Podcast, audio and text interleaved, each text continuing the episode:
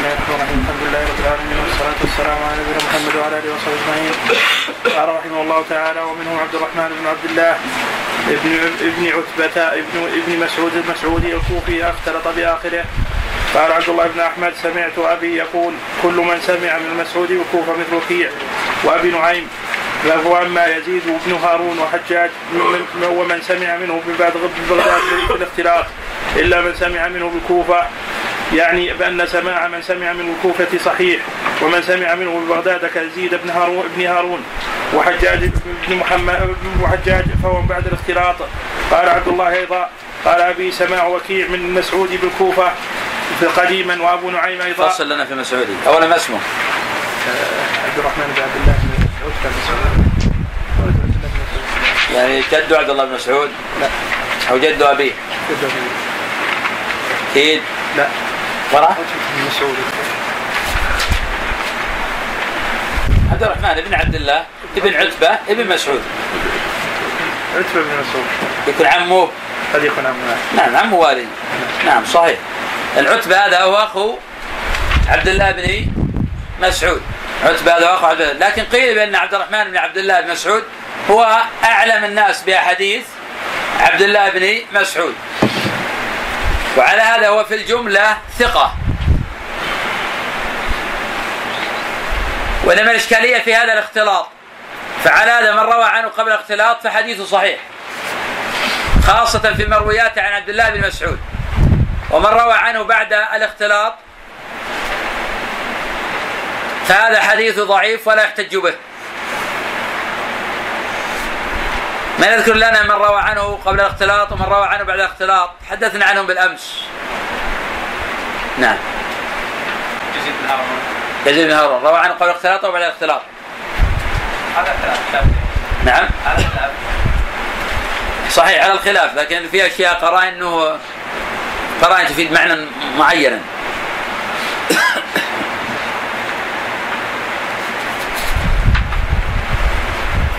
هو ما لقي يزيد بن هارون بعد ما اختلط ولم يروي عنه شيئا؟ إذا ماذا نفهم من هذا؟ ما ما لكم ساكتون. لا واضح يزيد يا شيخ.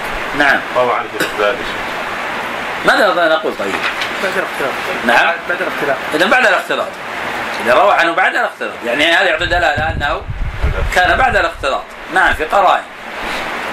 نعم. وكيع وابو نعيم وكيع بن عين روى عنه قبل الاختلاط أم بعد الاختلاط؟ قبل الاختلاط قبل الاختلاط آه، لماذا قلت قبل الاختلاط؟ بقرينة ماذا؟ ما هو الضابط في عبد الرحمن بن عبد الله المسعودي لمن روى عنه قبل الاختلاط ومن روى عنه بعد الاختلاط نجد؟ ما مر معنا إلا أنا ذكرت ضابطا أنا ذكرت بالأمس ضابطا في هذا من روى عنه شيخ في الكوفة قبل الاختلاط من روى عنه في بغداد بعد. نعم. الضابط من روى عنه بالكوفة فإنه قبل الاختلاط ومن روى عنه ببغداد فإنه بعد الاختلاط. فعلى هذا كل من روى عنه ببغداد فحديثه ضعيف. وعلى هذا فكل من روى عنه ببغداد فحديثه ضعيف.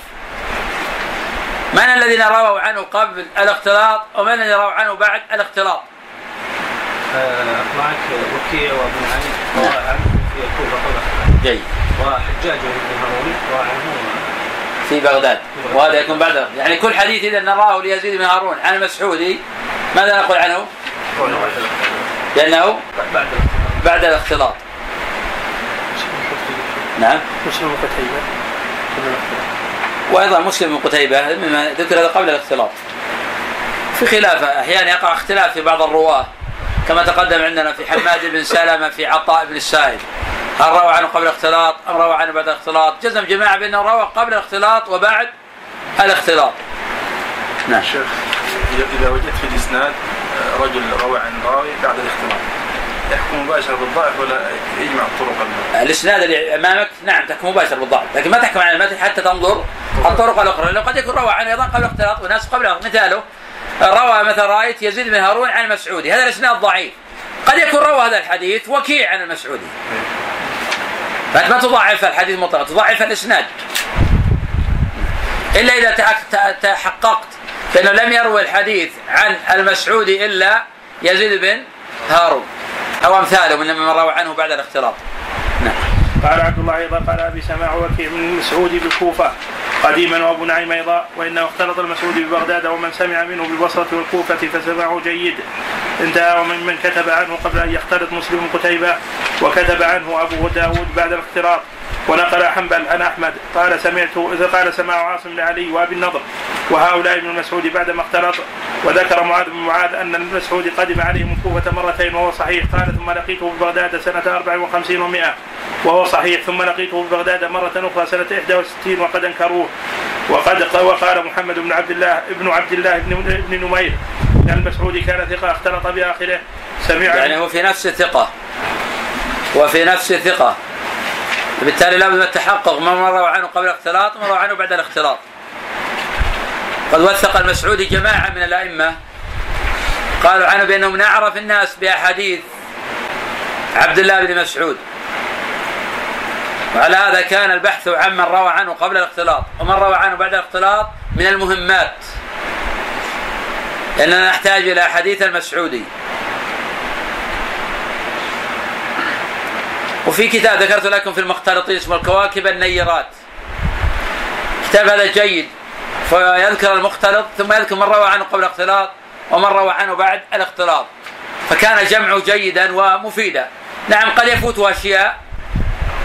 أحيانا يكملها يتممها المعلق وأحيانا تجدها في الكتب الأخرى. لكن هذا كتاب جيد. ننصح طلبة العلم بشرائه الذين لهم عناية في علم العلل. نعم. سمع منه عبد الرحمن. قراها مسلم قتيبة. مسلم أو سلم سلم بن قتيبة. ليس مسلم. سلم عندك مسلم؟ مسلم. لا لا. سلم بن قتيبة. نعم سلم؟ نعم هو الصواب. فتحت قال أبو قتيبة. صحيح. لكنه سلم. سلم ليس مسلم. لا ليس مسلم. القاعدة قتيبة. نعم. ذلك قتيبة بن مسلم. إيه، يعني هذا. سلم. لا لا. هذا سلم. وسمع منه عبد الرحمن بن مهدي ويزيد بن هارون حديثا مختلطة وما روى عنه من الشيوخ ما عنه الشيوخ وهو هو مستقيم. وليحيى بن معين في المسعودي تفصيل آخر. ذكر محمد بن عثمان بن أبي شيبة. عن يحيى بن معين قال المسعودي ثقة. وكان يغلط فيما يحدث عن عاصم بن بهدلة وسلم يعني ابن ابن ابن كهيل. بني كهيل.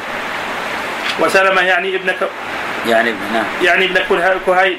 وكان في صحيح الروا- الرواية فيما يحدث عن القاسم ومع ومع ومعا ونقل الغلابي عن ابن معين نحوه نحوه أيضا. هذا شيوخه غيره من شيوخه. نعم. عبد الوهاب بن عبد سلام بن كهيل ثقة. وهو يروي عن وائل بن حجر. وأما عاصم ابن أبي النجود فمختلف فيه. والصواب فيه أنه صدوق سيء الحفظ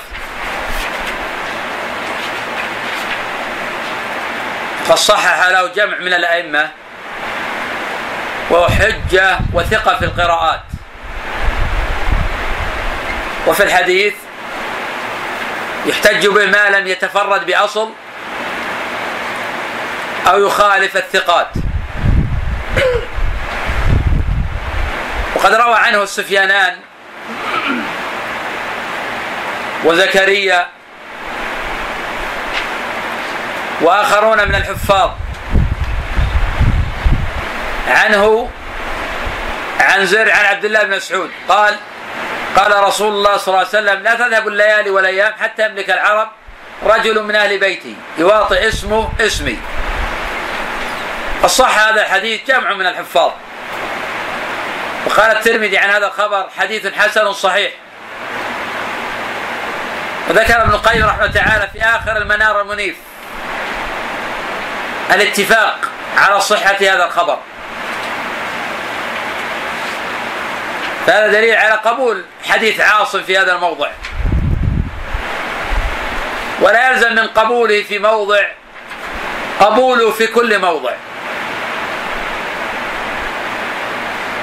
وهذا يوسر في كون نقول ان لا يلزم من وجود الراوي من رجال الشيخين تصحيح حديث في مواضع أخرى.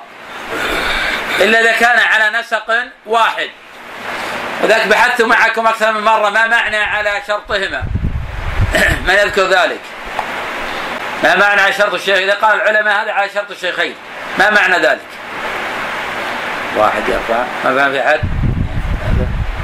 بقية. ما في أحد يعني ما معنى على شرطهما؟ أول مرة رفع نعم. على شرطهما في الرجال. نعم على في الرجال يكون الرجال من رجال الصحيح يكون رجال من رجال الشيخين هذا معنى شرطهما هذا معنى قيل هذا قيل ما ما- إحنا نريد الآن عطنا الراجح بعدين نعرف الاقوال ما معنى شرطهما؟ كون على شرط آه، رواة هذا الإسلام موجودين في الصحيح هذا ضعيف. إن البخاري قد يخرج له في هذا الموضع لكن ما يخرج له عن شخص معين. يتقي عن شخص آخر كداود بن حسين عن عكرمة قال آه، علي مديني مضطرب. راجح ان يكون السند كما هو يعني نعم هذا صح الأقوال. أن معنى على شرطهما يكون رجال هذا الإسناد موجودين في الصحيحين على هذا النسق. على هذا النسق فلان عن فلان عن فلان بشرط آخر ما هو؟ شرط ثاني مهم لا بد منه. نقول يكونوا موجودين في الصحيحين هذا شرط. الشرط الثاني نعم عدم السند لا لا عدم العلة أصلاً مشروطة بكل حال. على على على الترتيب على نسق معين هو هو اللي قال على الترتيب هو قلنا على الترتيب. سلسلة واحدة. هو سلسلة واحدة. مثلا مالك عن نافع عن ابن عمر هو نفسه. تحديث؟ لا. قد يكون آه، صحح من البخاري ولا ولم يردها في صحيح السوسي عطى حولها صحح سند الرجال ولم يرده في الصحيح. لا صح لا إحنا نقول في الصحيح. إحنا نشهد في الصحيح. إيه، مسلم والبخاري صححوا السند ولكن لم يردوا لم يردوا في صحيحين. هذا في الأصول. ان يكون على نسق واحد في الأصول لا في المتابعات. بمعنى حين ترى حديث أبي معاوية محمد بن خالد الضرير عن هشام بن عروة. هذا عن شرط الشيخين. لكن ليس في الأصول. ليس في الأصول. فلا صح أن تقول عن شرط الشيخين اذا نشرت شرطين. الشرط الأول أن يكون رجال هذا الاسناد موجودين في الصحيحين على نسق واحد. الشرط الثاني أن يكونوا موجودين في الأصول لا في المتابعات. كابي معاوية عن هشام هذا في المتابعات لا في الأصول. فإن البخاري لا يحتج بأبي معاوية ومحمد بن خالد الضرير عن غير الأعمش. فإذا ذكره عن غير الأعمش فهذا في المتابعات لا في الأصول.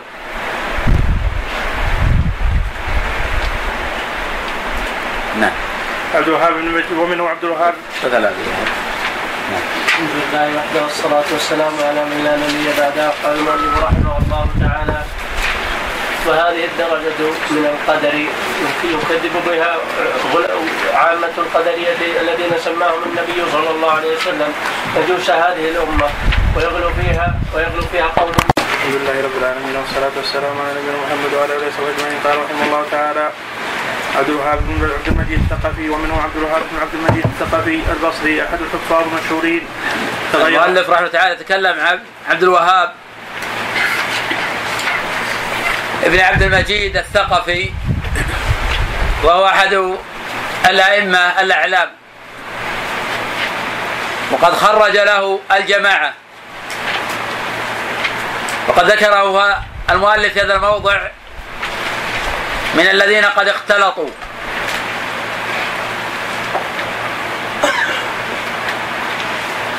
وعبد الوهاب ثقة. وقد روى عنه الإمام أحمد وإسحاق وجماعة.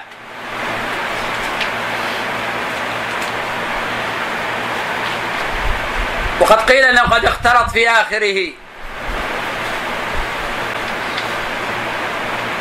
وأن اختلاط اختلاط جرير.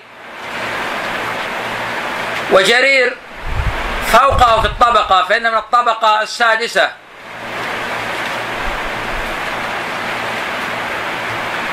وعبد الوهاب من الطبقة الثامنة. وجرير قد اختلط قبل وفاته بعام. وحجر عليه أبناؤه فلم يروي عنه أحد بعد الاختلاط.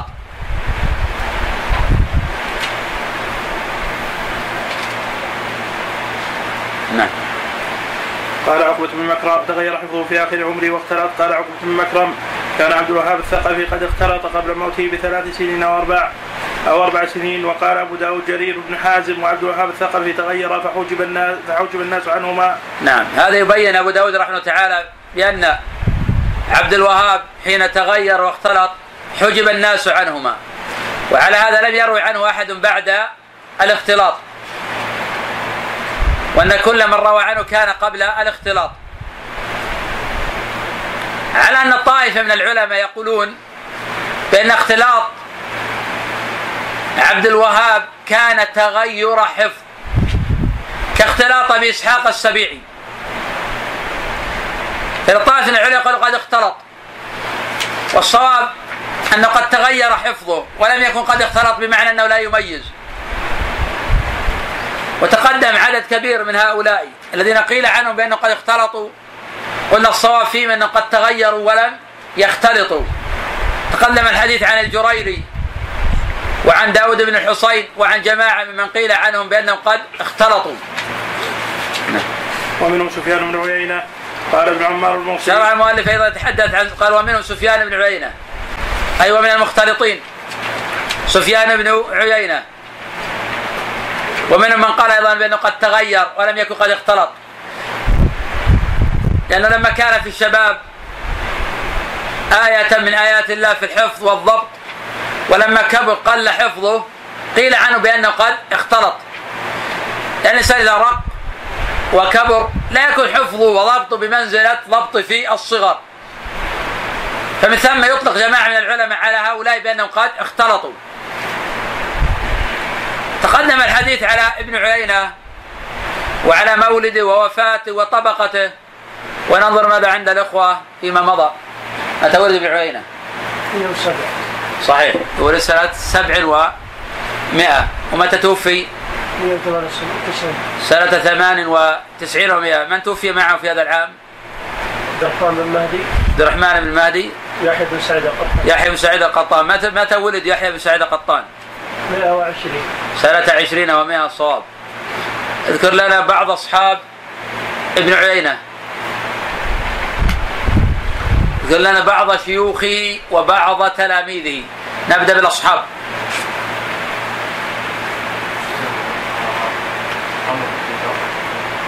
هذا من شيوخه وليس من تلاميذه عمرو بن دينار.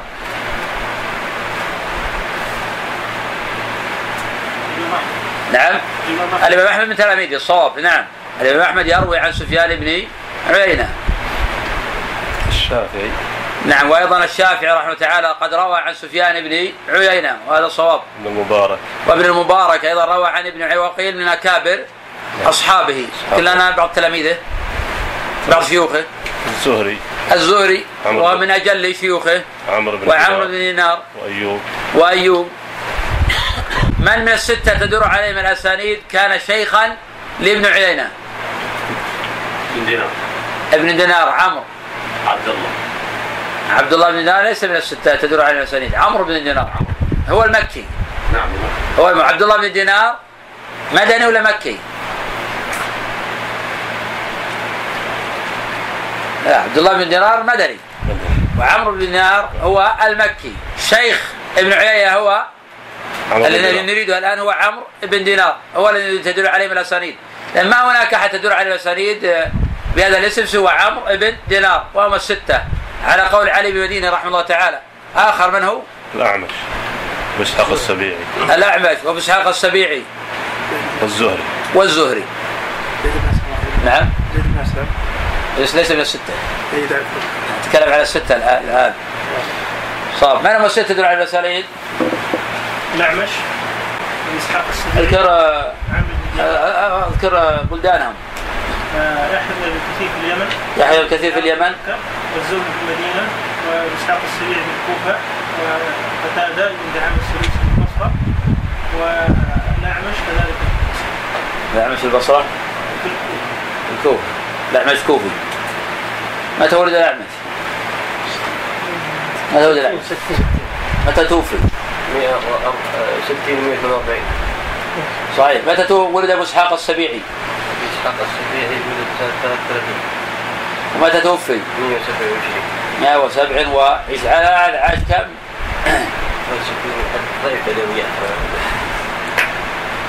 نحو من تسعين عاما. سر على عجل. أبو محمد أنت؟ أبو محمد سرعة أعطينا الأئمة الأربعة. بسرعة المواليد والوفيات. بدأ بأبي حنيفة. أبو حنيفة سنة 80 مات 150 جيد. والشافعي 150 وتوفي 204 جيد. وأحمد 164 241 ومالك 93 وتوفي 137 ما شاء الله. تمام. صحيح. ومنهم سفيان بن عيينة قال ابن عمار الموصلي عن يحيى القطان أشهد أن ابن عيينة اختلط سنة 97 فمن سمع منه في هذه السنة وبعدها فسمعه لا شيء. لكن توفي سنة ثمان وتسعين. وتوفي بنفس العام يحيى بن سعيد. إذا كان اختلاطه لمدة عام لكن هنا في خلاف في الاختلاط هذا. هو لو اختلاط آه، تغير أو اختلاط آه، عدم تمييز. قد يقال بأن اختلاط ابن عيينة اختلاط تغير. يعني لم يكن حفظه هو الحفظ المعهود آه، عنه. بمعنى يقع منه الأوهام والأغلاط لكن كان يميز. لكنه إذا إنسان قل حفظه كثر غلطه وكثرت أوهامه. نعم. صالح مولى التوامة. صالح التوامة. بسم الله الرحمن الرحيم الحمد لله رب العالمين صلى الله وسلم وبارك على نبينا محمد وعلى اله وصحبه اجمعين قال رحمه الله تعالى قال رحمه الله تعالى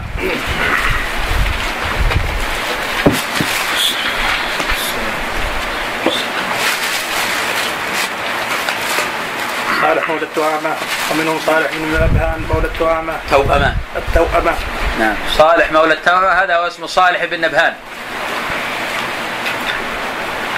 صالح مولى التوأمة هذا صالح بن نبهان وقد خرج له أهل السنن.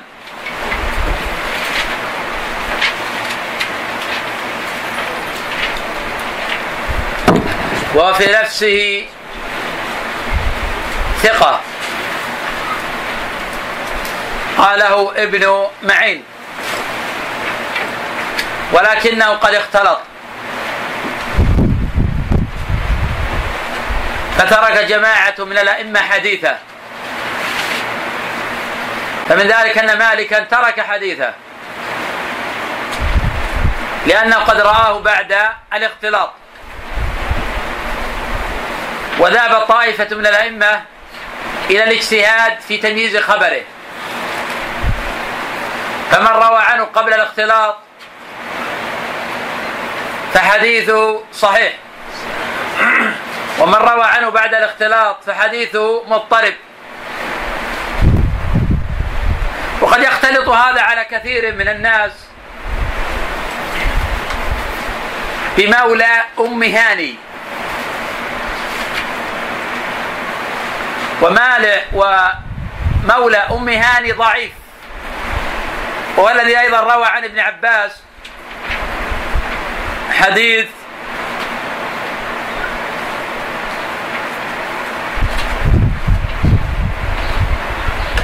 لعن رسول الله صلى الله عليه وسلم زائرات القبور والمتخذين عليها المساجد والسرج. فهذا مولى أم هاني وليس مولى التوأمة. وقد التبس هذا بهذا على الطائفة من الفقهاء والمنتسبين للحديث. ومولى أم هاني ضعيف. ومولى التوأمة مختلف فيه والعدل فيها التفصيل بين من روى عنه قبل اختلاط ومن روى عنه بعد الاختلاط.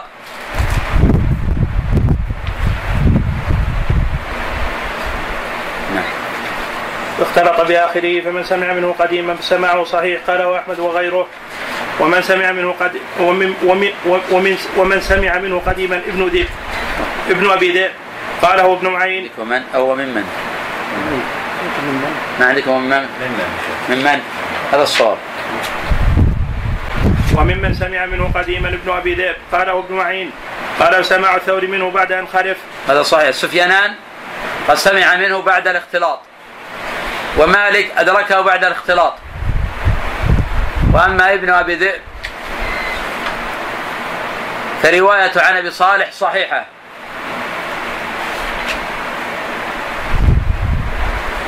نعم. قال أحمد وروى عنه أكابر أهل المدينة. قال وقول مالك عبد انس ليس بثقة لأنه إنما أدركه وقد كبر واختلط. وقال البخاري موسى بن عقبة سمع من صالح قديما نقله عنه الترمذي في علله. نعم وهذا أيضا يضاف إلى ابن أبي ذئب وموسى بن عقبة مدني وهو ثقة. قد خرج له الجماعة. وذكر ابن حبان أن حديث صالح اختلط قديمه بحديثه ولم يتميز. نعم لكن ابن حبان خلط أيضا بين صالح مولى أم هاني وصالح مولى التوأمة.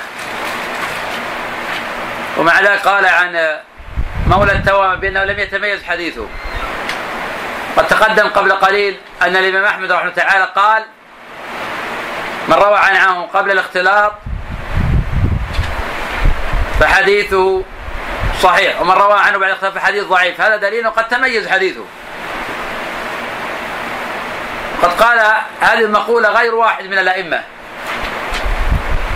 وقول هؤلاء أصح من قول ابن حبان.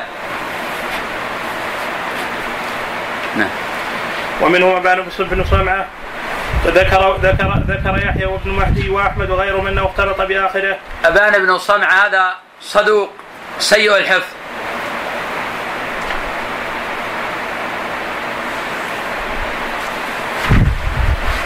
وقد خرج له النسائي وابن ماجه وذكر له الإمام مسلم رحمه الله تعالى في صحيح حديثا واحدا في كتاب الأدب ولم يخرج له غيره. وقد ذكر بعض الحفاظ بأنه قد اختلط.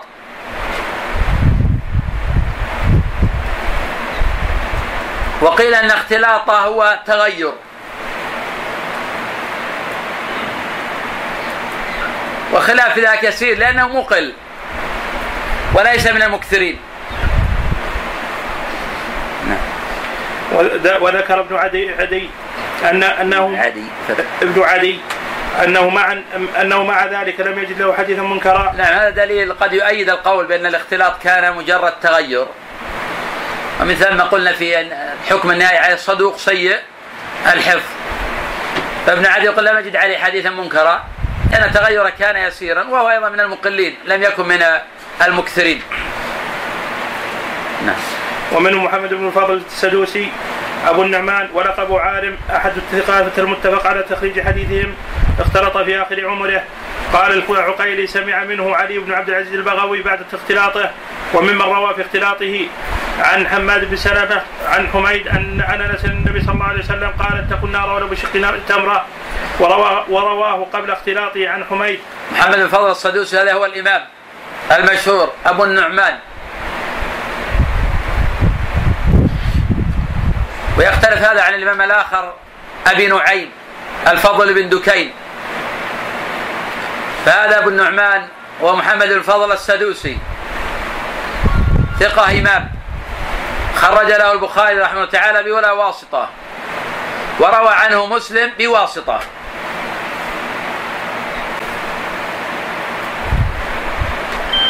قد قيل عنه بأنه قد اختلط بآخره.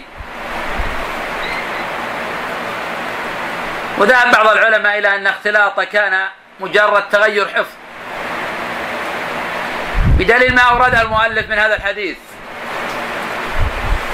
فإنه روى في اختلاطه عن حماد بن سلمة عن حميد عن أنس. ورواه بعد أو قبل اختلاطه عن حميد عن الحسن عن النبي صلى الله عليه وسلم. والأول صح. وقد روى عفان بن مسلم أيضا عن حماد بن سلمة. وكما قال المؤلف يقول هو الصواب. فهذا دليل أن اختلاطه كان مجرد تغير ولم يكن اختلاطا عدم تمييز. لأنه لو كان اختلاطه عدم تمييز كيف يروي على الصواب ما كان قيل عنه قد اختلط؟ ويروي الحديث الآخر بالإرسال وهو المرجوح قبل الاختلاط. هذا دليل تبين له فيما بعد ما هو أصح من حديثه. نعم. ومنه قلاب الرقاشي. بسم الله الرحمن الرحيم الحمد لله رب العالمين وصلى الله تعالى وابو قلابه الرقاشي ومنهم ابو قلابه الرقاشي عبد الملك بن محمد كان ابن خزيمه يقول حدثنا ابو قلابه بالبصره قبل ان يختلط ويخرج إلى بغداد قلت وهو موضع وهو مع هذا كثير الوهم قبل اختلاطه نعم أبو قلابة الرقاشي ذكر مؤلف رحمه الله تعالى أنه قد اختلط وهو من المقلين. وفي الوقت ذاته سيء الحفظ. قد تكلم في جماعة من الأئمة.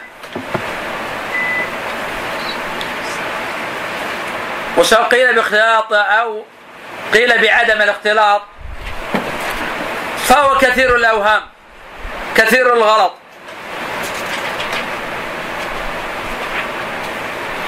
نعم.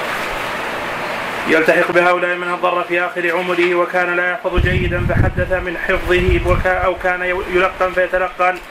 وقد ذكر أبو خيثمة أن يزيد بن هارون كان يعاب عليه أنه لما أضر كان يأمر جارية له أن تلقنه الحديث من كتاب فيحدث بها وقد سبق ذكر ذلك. آه، فمنهم عبد قدم عندنا مختلطين نوعان. نوع اختلط اختلطوا فلم يتميز حديثهم ونوع تميز حديثهم. والقسم الثالث هو المهم أن الطائفة من قيل عنه بأنه قد اختلط. هو مجرد تغير حفظ وليس عدم تمييز. وهؤلاء كثيرون. كابي إسحاق السبيعي والجريري وابن عيينة وآخرين من الحفاظ. هؤلاء لم يثبت اختلاطهم بالمعنى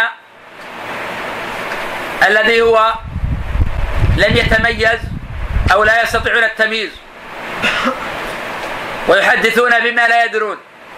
هذا لم يقع من هؤلاء الأئمة إنما وقع من هؤلاء التغير حفظ. ومن الطبيعي أن الرجل إذا تقدم به العمر لا يكون حفظه بمنزلة حفظ وقت الشباب. فإن الحفظ وقت الشباب أقوى. والإنسان إذا كبر بالعمر يقل حفظه ولكن يقوى فهمه. وتقوى عنده الحكمة والأناة. أما الحفظ فيقل. وإن كان هذا ليس في حق كل أحد. ففي عور علماء بارك الله في أعمارهم عاشوا ثمانين عاما وتسعين عاما لم يتغير منهم شيء. نعم. فمنهم عبد الرزاق بن همام بن همام الصنعاني أحد أئمة الحديث المشهورين وإليه كانت الرحلة في زمانه في الحديث. حتى قيل إنه لم يرحل لم يرحل إلى أحد بعد رسول الله صلى الله عليه وسلم. ما رحل إلى عبد الرزاق. نعم. الإمام عبد الرزاق الصنعاني الحميري مولاهم. أحد أكابر علماء اليمن. وقد توفي سنة إحدى عشر ومائتين عن خمسة وثمانين عاما.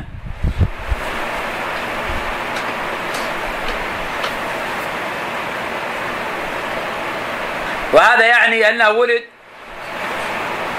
قبل سنة مئة وثلاثين.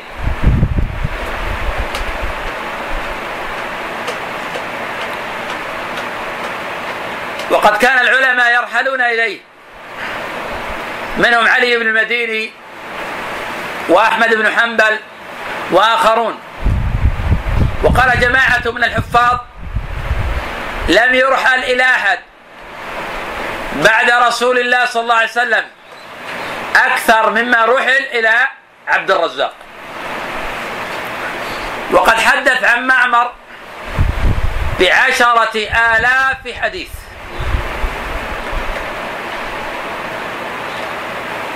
وهو راوية معمر. ومعمر أيضا صنعاني. وهو حميري أيضا بالولاء.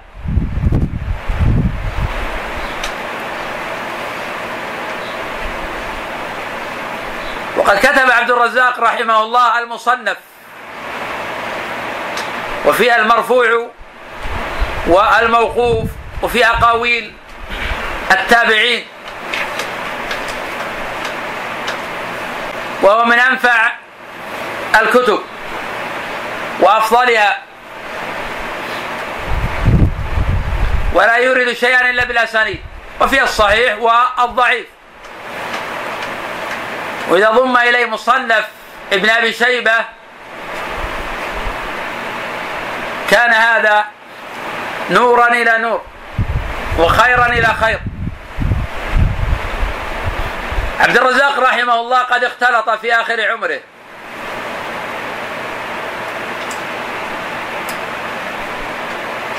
وكان يخطئ كثيرا. وكان الإمام أحمد رحمه الله تعالى يضعف أحاديثه في مكة. وكثيرا ما يعل من أحاديثه فيقول هذا في مكة. كحديث يقتتل عند كنزكم ثلاثة. أنكره الإمام أحمد رحمه الله. ومن رواية عبد الرزاق عن سفيان عن خالد الحذاء عن أبي قلابة عن أسماء الرحبي عن ثوبان. عن النبي صلى الله عليه وسلم قال يقتتل عند كنزكم ثلاثة كلهم ابن خليفة ثم لا يكون إلى واحد منهم. فتخرج الرايات السود من قبل المشرق. سيقتلونكم قتلا لم يقتلوا قوم. قال وذكر أشياء لم أحفظها. وقال فإذا رأيتموه فبايعوه ولو حبوا على الثلج فإنه خليفة الله المهدي. وهذا رجال كلهم حفاظ ثقات. ولكن أنكره الإمام أحمد رحمه الله تعالى.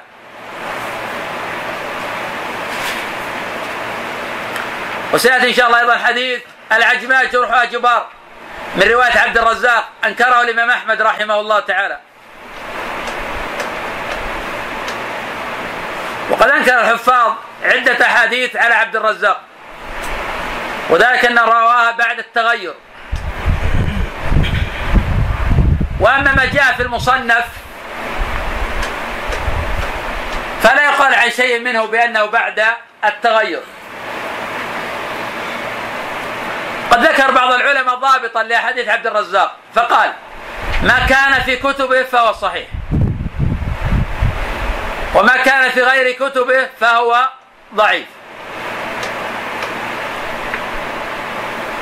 وسيأتي إن شاء الله أن راوية عبد الرزاق هو إسحاق ابن إبراهيم الدبري.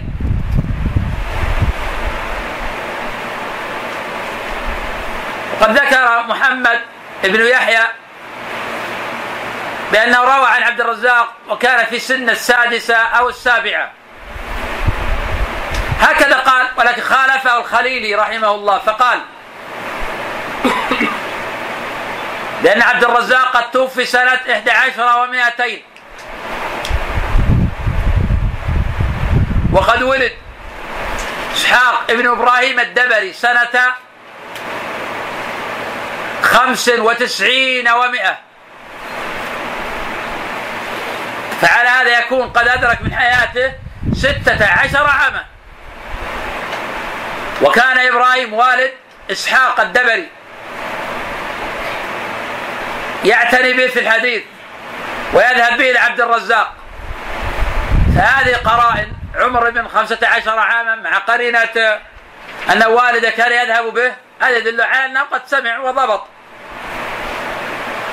والقول بأنه لم يدرك من حياته إلا ست أو سبع سنين هذا فيه نظر. فعلى هذا سيزول الإشكال في مسألة رواية الدبري عن عبد الرزاق. نعم. قال الإمام أحمد في رواية إسحاق بن هانئ عبد الرزاق لا يعبأ بحديث من سمع من سمع منه. وقد ذهب بصره. سمع من سمع منه وقد ذهب بصره كان يلقن أحاديث باطلة. وقد وقد حدث عن الزهري أحاديث كتبناها من أصل كتابه وهو ينظر جاء وهو ينظر جاءوا بخلافها. ونظر له ونقل الاثرم عنه معنى ذلك. وقال في النسابوري يعني محمد بن يحيى الدهلي قدم على عبد الرزاق مرتين إحداهما بعدما عمي. وذكر الاثرم عن أحمد أنه قال أنه ذكر ذكر له حديث النار. النار جبار فقال هذا باطل ليس من هذا شيء. ثم قال ومن يحدث به عن عبد الرزاق؟ قلت حدثني به أحمد بن الشبويه قال هؤلاء سمعوا بعدما عمي كان يلقن فلق كان يلقن فلقنه. وليس وليس وهو في وليس هو في كتابه وقد اسندوا عنه أحاديث ليست في كتبه. كان يلقنها بعدما عمي قال أبو عبد الله حك حكوا عنه عن الحلواني أحاديث أسندها. وقد ذكر غير واحد أن عبد الرزاق حدث باحاديث مناكير في فضل علي وأهل البيت ولعل تلك الأحاديث مما لقنها مما لقينها بعد معمي كما قاله الإمام أحمد. والله أعلم وبعضها مما رواه عنه الضعفاء ولا يصح عنه. وقال النسائي عبد الرزاق ما حدث عنه بآخره ففيه نظر.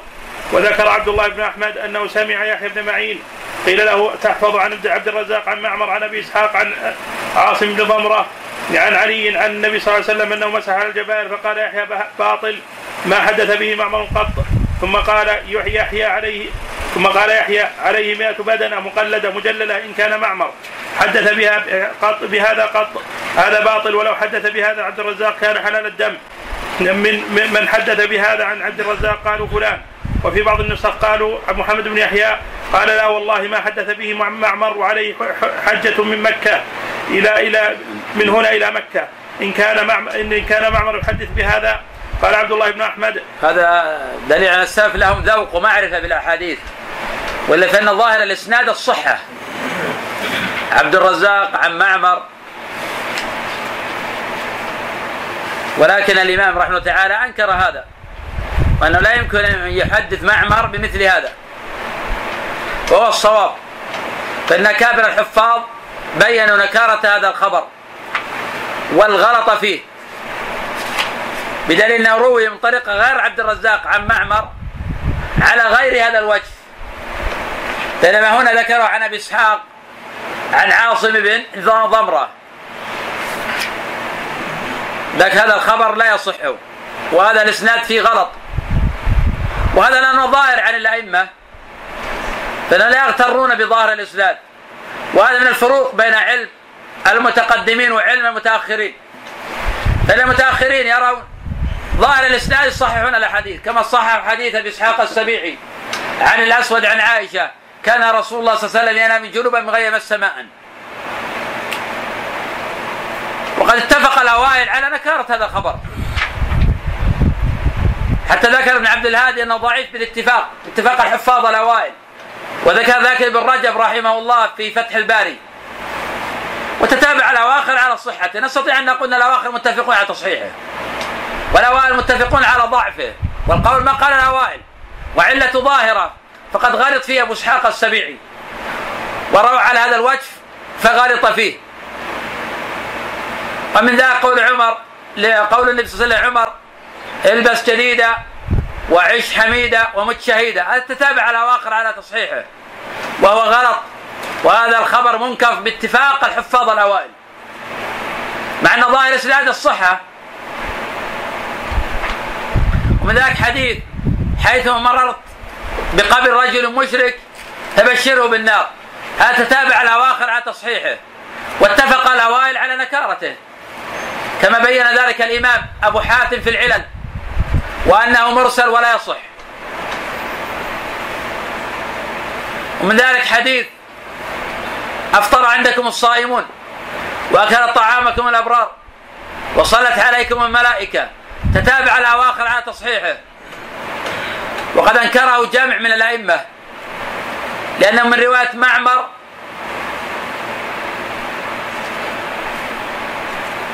عن أهل العراق ومعمر عن أهل العراق لا يتقن ولا يضبط.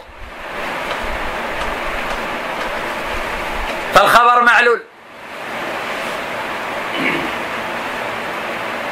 لأن من رواية معمر عن ثابت البناني عن أنس وثابت البناني عراقي بصري.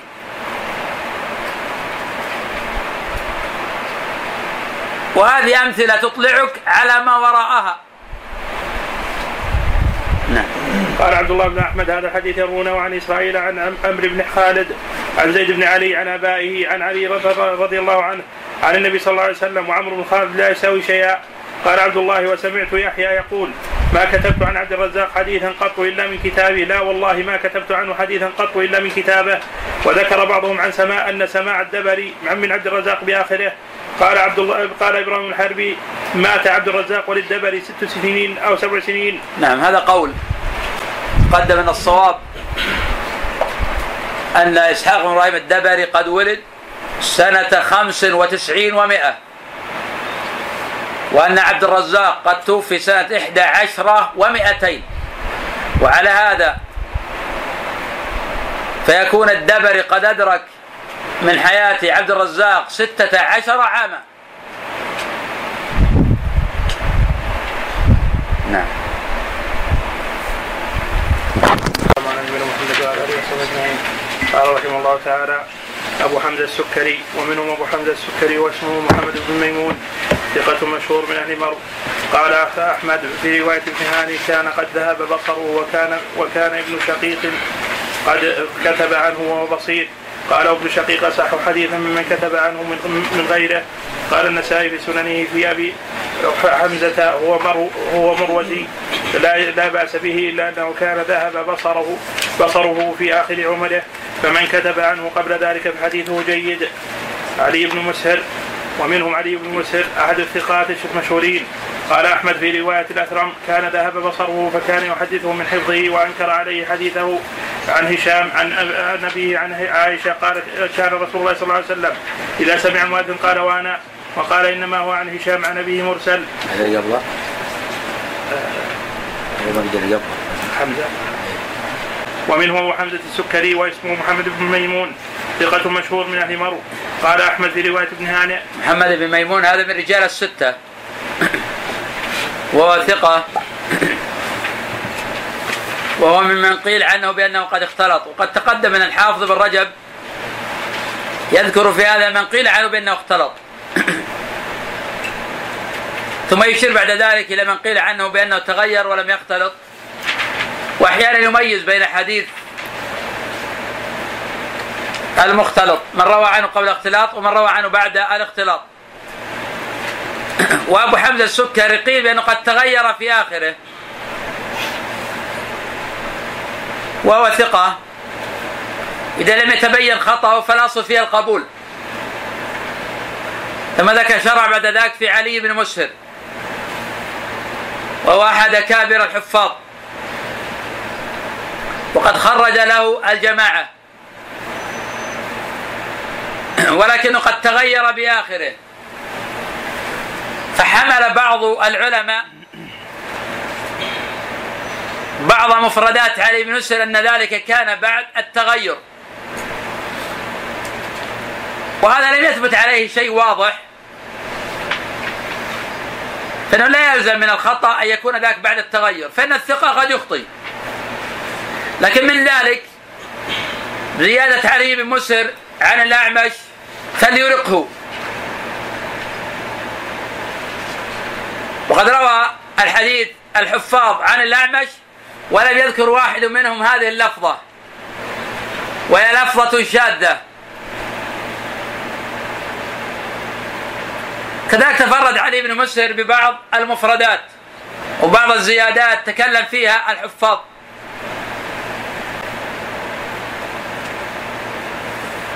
قد أشرت أكثر من مرة أن خطأ المحدث. لا يعني ترك حديثه وأنه ليس من شرط الثقة أن لا يخطئ. إنما من كثرت أخطاؤه وقل حفظه وإذا ما قورنت رواية برواية الحفاظ تبين النكارة في حديثه فهذا الذي يترك حديثه. والرواة أقسام. القسم الأول الثقة الحافظ. فهذا يحتج بحديثه. ولو أخطأ. وعادة مثل هذا يكون خطأه يسيرا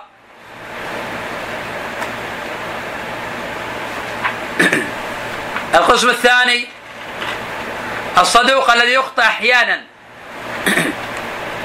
فهذا يقبل حديثه. ويتقى خطأه. القسم الثالث الصدوق الذي كثر خطأه ولم يغلب عليه الخطأ. فهذا الذي قالوا عنه صدوق سيء الحفظ. وهذا يختلف فيه الحفاظ ويختلف في نظرهم. فمنهم من يقبله بشرط أن يستقيم مرويه ويوافق في رواية الحفاظ. ولا يتفرد بأصل. الرابع الذي غلب عليه الخطأ فهذا لا يحتج بحديثه. كعبد الله بن لهيعة وعبد الله بن عمر العمري المكبر وابن أبي السفر ونعيم بن حماد الخزاعي القسم الخامس من اختلط ولم يتميز حديثه. فهذا يترك. كالليث بن أبي سليم. القسم السادس من اختلط وتميز حديثه. فهذا ان كان ثقة فمن روى عنه قبل الاختلاط قبل. ومن روى عنه بعد الاختلاط رد حديثه. ومن هؤلاء عطاء بن السائب. فهو في نفسه صدوق.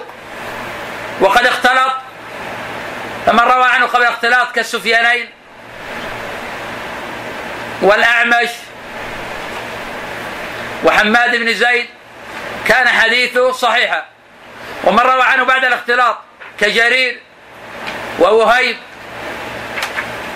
ونحو هؤلاء كان حديثه ضعيفا. نعم. وأنكر عليه حديثه عن هذه مسلم قل هذه مسلم علي بن مسر ومنهم علي بن مسر أحد الثقات المشهورين قال أحمد في رواية الاثرم كان ذهب بصره فكان يحدثه من حفظه. وأنكر عليه حديثه عن هشام عن أبيه عن عائشة قالت كان رسول الله صلى الله عليه وسلم إذا سمع المؤذن قال وأنا وقال إنما هو عن هشام عن أبيه مرسل وعلي بن مسر له مفاريد. ومنها في حديث في حديث إذا شرب الكلب فينا فينا أحدكم فليرق. وقد خرجه مسلم. وذكر الأثرم احد أيضا عن أحمد. إن أنه أنكر حديثا فقيل له رواه علي بن مسهر فقال إن علي بن مسهر كان كانت كتبه قد ذهبت فكتب بعد فإن كان روى هذا غيره وإلا فليس بشيء يعتمد ويلتحق بهؤلاء من احترقت كتبه فحدث من حفظه فواهم كما قاله غير واحد في ابن لهيعة وقد سبق, سبق ذكر ذلك هذا وقد تقدم أن جماعة من العلماء يقولون ابن لهيعة لم تحترق كتبه. إنما هو كان سيء الحفظ. وتقدم القول بأنه سواء احترقت كتبه أو لم تحترق كتبه. فابن لهيعة سيء الحفظ. قد ضعفه الإمام أحمد رحمه الله تعالى فحين قيل تكتب حديثه قال اكتب ليعتبر به. وضعفه يحيى بن سعيد القطان. وقد كان أحمد يضاعف حديث المتأخرين عنه وقال قتيبة ويحيى بن يحيى النسابوري آخر من آخر من سمع منه نقله عنه الأثرم وقال أبو حاتم الرازي مروان بن محمد تأخر سماعه عن من ابن لهيعة فهو يحدث عنه يعني بمناكير. نعم ولكن لا يعني هذا أن رواية هؤلاء عن ابن لهيعة الصحاح ومن قال من العلماء من رواية هؤلاء الصحاح يقصد أن رواية صحت عن ابن لهيعة ثم ينظر في حكم ابن لهيعة. وكذلك قول من قال إن رواية العبادلة عبد الله بن واب عبد الله بن زيد المقري عبد الله المبارك أعدل من غيرها هذا صحيح. لكن لا يعني أنها أعدل من غير أنها صحيحة. هي أعدل من غيرها وهي ضعيف يعني أعدل الضعيف. وأصح الضعيف. كما إذا قال المحدثون هذا أصح شيء في الباب. لا يعني أن الخبر صحيح. فإن هذا أصح شيء في الباب وهو ضعيف. ومثل هذا كثير. قد تقدم عندنا في حديث عائشة كان رسول الله صلى الله عليه وسلم إذا خرج من الخلاء قال غفرانك. وأن هذا حديث من رواية إسرائيل عن يوسف بن أبي بردة عن أبيه عن عائشة. قد قال أبو حاتم كما في العلل هذا صح شيء في الباب. وهذا لا يعني أنه صحيح. وناقشنا ابن حجر في قوله في البلوغ صححه أبو حاتم. وقلنا إذا كان قد وقف على قول أبي حاتم في غير هذا الكتاب فهذا محتمل. فابن حجر واسع الاطلاع واسع العلوم واسع الحفظ. وإذا كان فاهم هذا من قول أبي حاتم فهذا غير صحيح.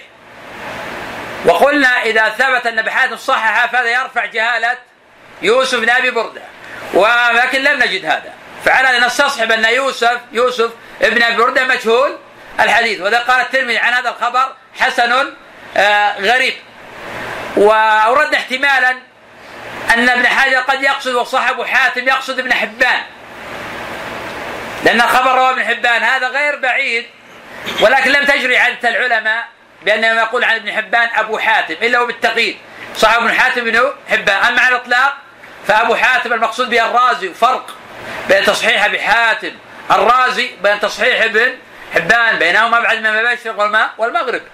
بالتالي إذا لم نجد تصحيحا لأبي حاتم الرازي فنستصحب ضعف هذا الخبر لجهالة يوسف بن أبي بردة ولتفرده بأصل آه، لأنه لم يروي هذا الخبر آه، غيره. سمع راشد بن سعد بن ثوبان نعم لا ما سمع. معلول بالانقطاع أما الرسول بمسح السخين والحصائر هذا معلول بالانقطاع راشد لم يسمع من ثوبان. نعم. عليه وصحبه اجمعين قال رحمه الله تعالى ومن هذا النوع أيضا قوم ثقات لهم كتاب صحيح وفي حفظهم بعض شيء. فكانوا يحدثون من حفظهم أحيانا فيغلطون ويحدثون أحيانا من كتب من كتابهم فيضبطون. عبد الرزاق بن همام الصنعاني فمنهم عبد الرزاق بن همام. وقد تقدم أنه كان بس أنه لما كان بصيرا ويحدث من كتابه كان حديثه جيدا. الآن أشار الحافظ ابن رجب رحمه الله تعالى إلى تلخيص ما مضى وأن طائفة من الحديث ثقات في أنفسهم.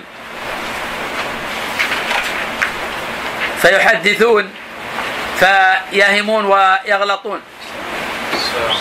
وأحيانا طبقة منهم يكون لهم كتب. فتضيع كتبهم فيقع الغلط ويقع الوهم في أحاديثهم. وهؤلاء كثيرون لأنه تقدم عندنا الضبط نوعان. ضبط كتاب وضبط حفظ. طبقة من أهل الحديث عندهم ضبط كتاب ما عندهم ضبط حفظ. فيحدثون من حفظهم فيقع الغلط في أحاديثهم. كعبد الرزاق. عنده ضبط حفظ وعنده ضبط كتاب. ولكنه قد تغير حفظه بآخره فكان يحدث من حفظه كثر الغلط في حديثه. وذاك يحيى بن معين يقول أنا ما أخذت إلا من كتبه. ومن ذلك عبد العزيز بن محمد الدراوردي قال عنه الإمام أحمد رحمه الله تعالى ثقة في كتابه ضعيف في حفظه. تقدم عندنا الحديث عن عطاء بن السائب سعيد بن أبي عروبة سعيد الجريري حصين بن عبد الرحمن داود بن الحصين وأمثال هؤلاء. وذكرنا أن هؤلاء على أربع طبقات.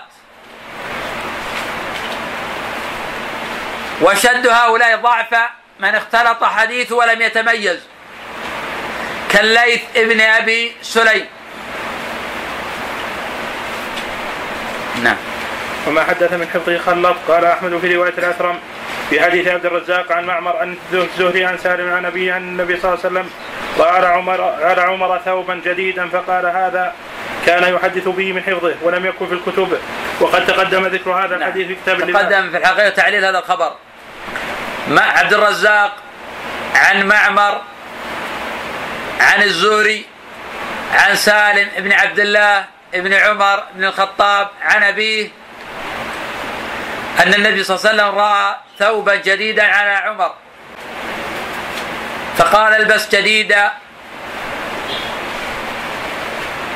وعيش حميدا ومت شهيدا. ظاهر إسناد الصحة. وهذا على شرط الجماعة. عبد الرزاق هو من أوثق الناس في معمر. قد خرج عنه أو روى عنه نحو من عشرة آلاف حديث. ومعمر بن راشد الصنعاني ثقة ثبت. وهو من الطبقة الأولى في أصحاب الزهري. والزهري من أوثق الناس في سالم. وسالم من أروى الناس عن أبيه. وقد اغتر بظاهر هذا الإسناد جماعة من المتأخرين. وهذا من الفروق بين المتقدمين وبين المتأخرين. فصححوا هذا الخبر.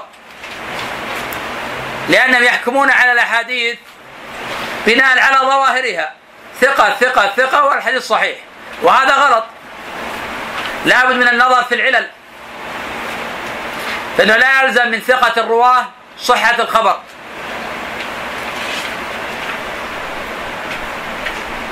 وهذا الخبر معلول باتفاق الحفاظ. وإنما صححه المتأخرون أما الأوائل لا يعرف عن أحد منهم بأنه صححه وإن كان رجاله ثقات حفاظ. وإن كان رجاله ثقات حفاظا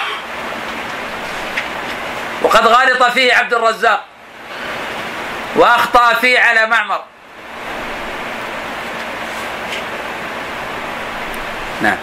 وقال يحيى بن معين ما كتبت عن عبد الرزاق حديثا واحدا إلا من كتابه كله وفي ومما أنكر على عبد الرزاق حديثه عن معمر عن عن الزهري عن أبي سلمة عن أبي هريرة مرفوعا الخيل معقود في نواصيها الخير.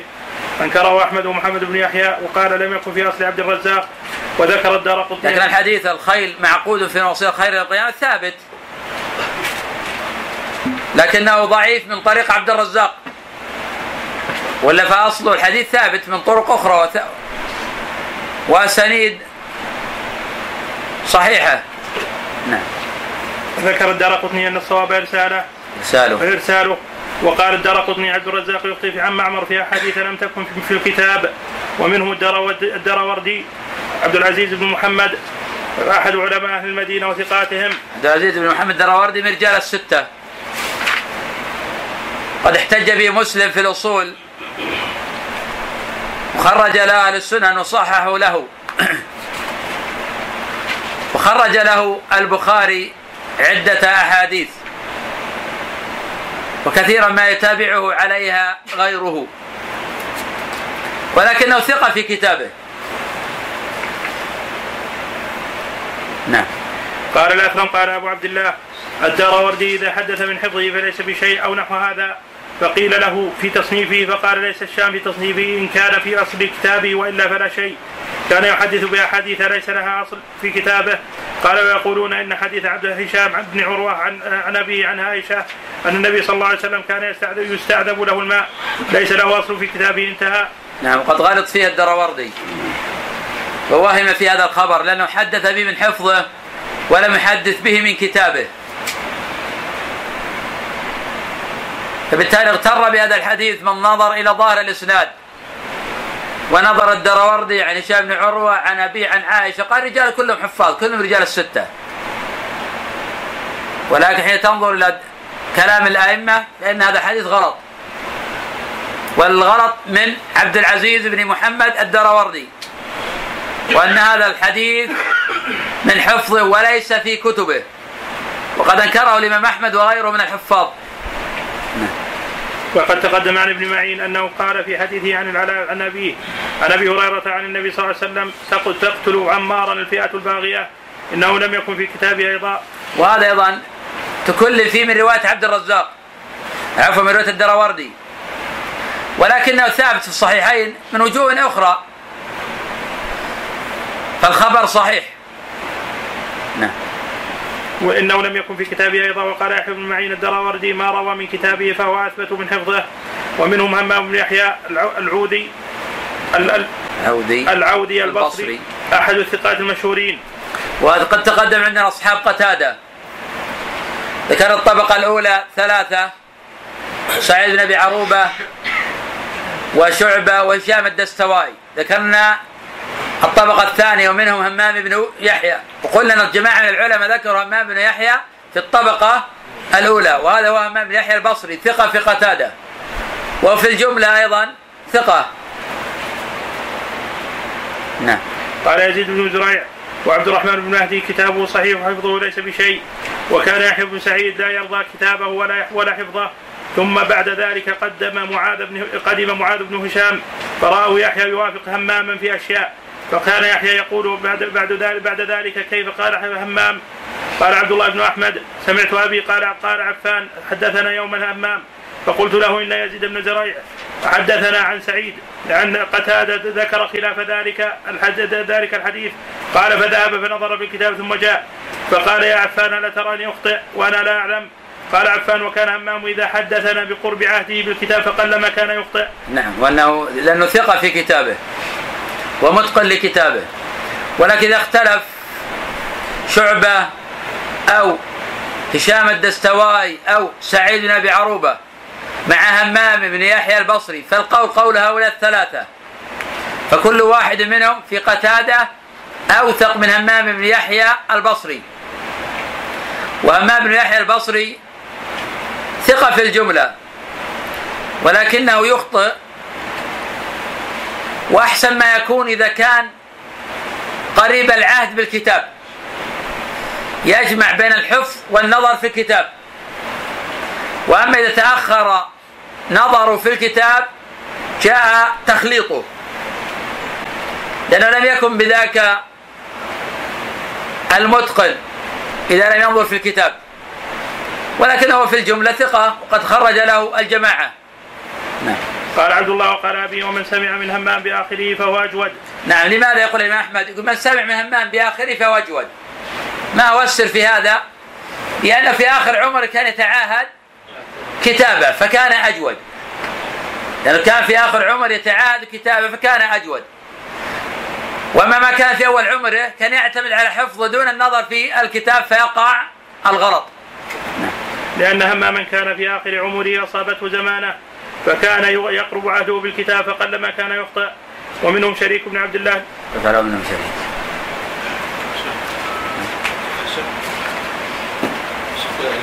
الخطأ في الحديث حق ابن سيده لماذا لم ناخذ معمر ثاني؟ لماذا اخذنا عبد الرزاق؟ وكيف نحدد الخطأ الامام إذا ما وجدنا كتاب في تصانيف عبد الرزاق فننظر فيه. نشدد في موضوعه. قد يكون ضعيفا. أحيانا يعني نجد الحديث الصحيحين يكون هذا مما ضبطه عبد الرزاق.